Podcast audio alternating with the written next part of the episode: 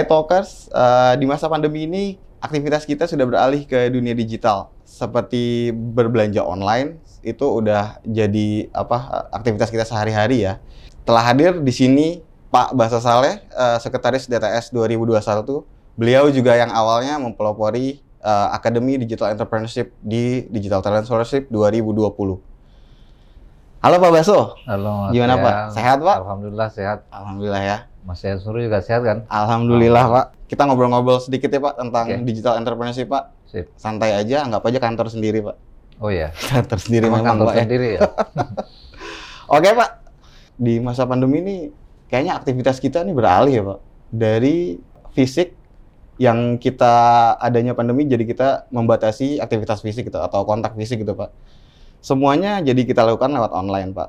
Nah hadirnya digital entrepreneurship atau eh, bisnis online ini Pak, itu sebenarnya membantu banyak orang juga kan Pak.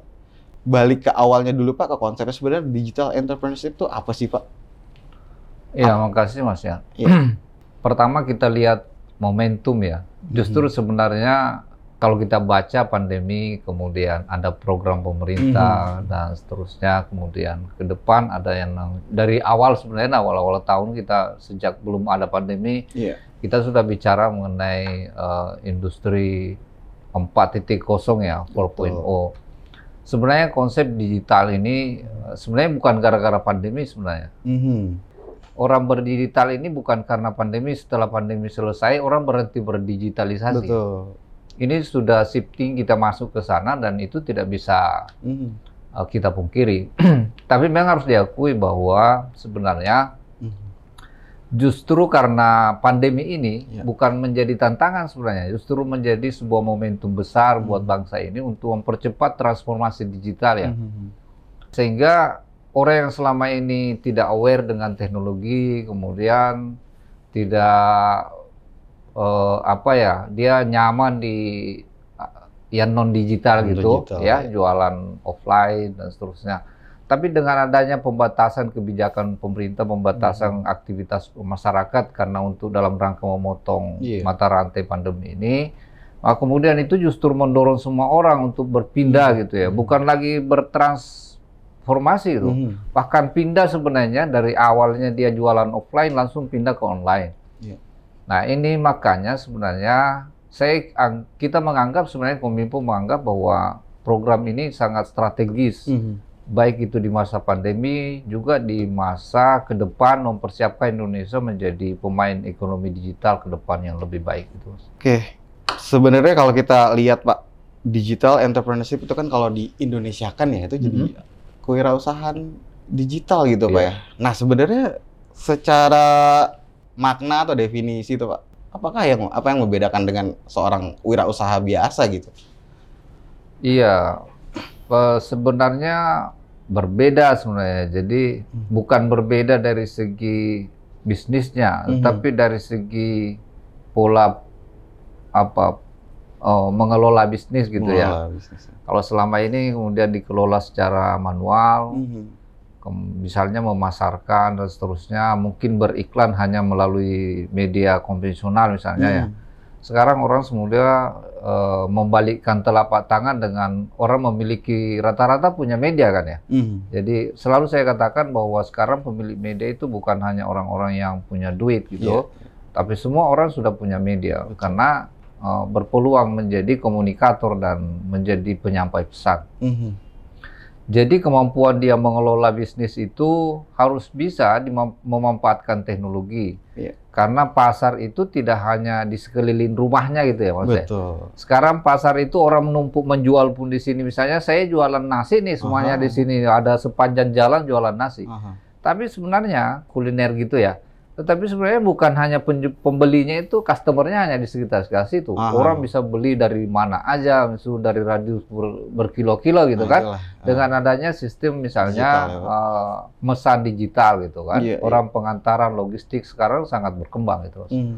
Jadi eh, ini saya kira kita memang perlu dorong dan eh, secara nasional memang ini kebijakan-kebijakan pemerintah sedang mempersiapkan termasuk mempersiapkan namanya peraturan presiden Mhm. dalam rangka pe- pengembangan kewirausahaan uh, nasional gitu. Mas. Dan itu orientasi ke depannya adalah orientasi bisnis digital gitu. Iya, iya. Berwirausaha secara digital. Berarti kalau tadi bisa saya yang saya tangkap dari penjelasan Pak Baso nih bisnis digital atau digital entrepreneur itu tidak hanya dituntut untuk bisa berjualan online tapi juga memasarkan produk atau berkomunikasi dengan pelanggan semuanya dilakukan secara Hmm. online gitu Pak. Iya, ya. iya.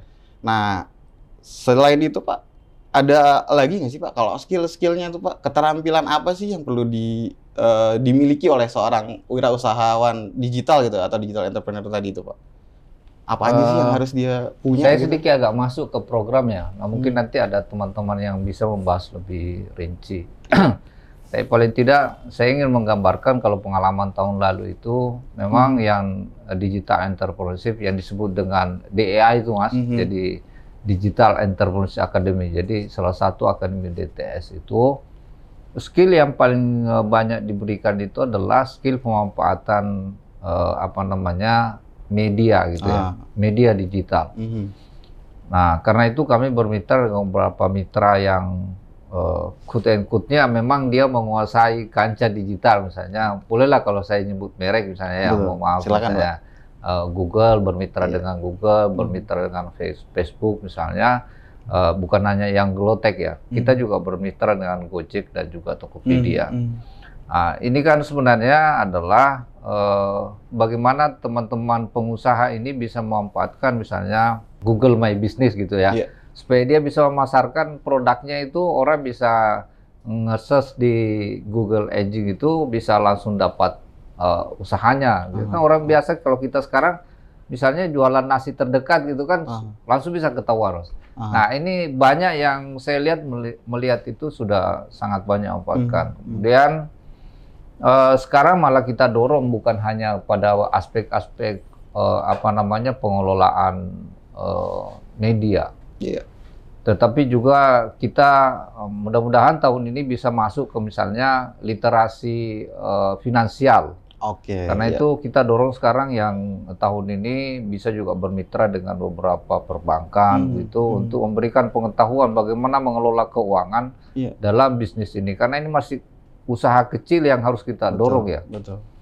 Dan kita berharap ini bisa masif di seluruh Hmm, hmm. Indonesia karena memang bukan hanya Kominfo yang menyelenggarakan kegiatan ini, di banyak apa namanya kementerian juga melakukan seperti itu. Mhm. Ya itu menariknya Pak ya. Jadi kalau penjelasan dari Pak Baso tadi, saya nangkepnya digital entrepreneur di Kominfo ini untuk eh, apa ya pengusaha- pengusaha-pengusaha pemula lah ya Pak, baru yang mulai Hmm. yang baru mulai merintis bisnisnya gitu kan Pak.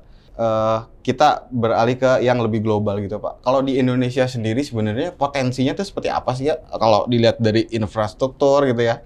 Terus eh, tingkat literasi masyarakatnya itu apakah sudah mendukung gitu Pak untuk eh, digital entrepreneurship nih untuk maju Iya. gitu? Kira-kira seperti apa Pak kalau sekarang nih Pak? Iya, kalau peluang sih sebenarnya sangat terbuka ya.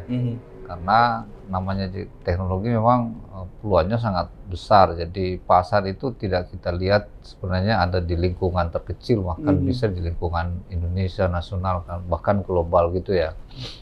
Eh, kaitannya memang ini adalah kendala kita pada aspek literasi.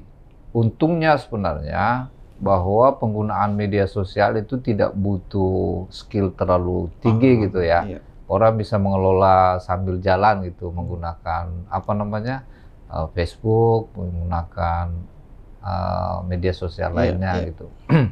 Memang kendala kita sekarang uh, di Indonesia ini adalah kaitannya dengan mungkin infrastruktur ya. Infrastruktur Pak ya. infrastruktur kalau kita mau lihat karena sebenarnya banyak potensi di Indonesia ini ya mungkin misalnya terkendala karena belum uh, akses jaringannya belum Mhm, kuat gitu ya itu mungkin kendala tapi saya kira uh, pemerintah akan terus mendorong ke sana ya. memproses gitu Mhm. Di pandemi ini kan jadi kalau saya dengar ya banyak tuh udah yang nggak cuma kominfo aja ya bikin pelatihan kayak gini gitu. Jadi Iya. digital entrepreneur emang jadi lagi jadi apa ya? Lagi naik daun banget lah gitu. Nah, kalau dibandingkan dengan yang punya kementerian lain, instansi lain atau bahkan punya swasta gitu ya.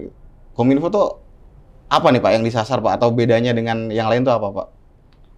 Iya, mungkin saya ingin mengatakan begini dulu Mas ya. Jadi kenapa kementerian ini hampir seluruhnya ngadain kegiatan ya? Mhm. Hampir sama sebenarnya.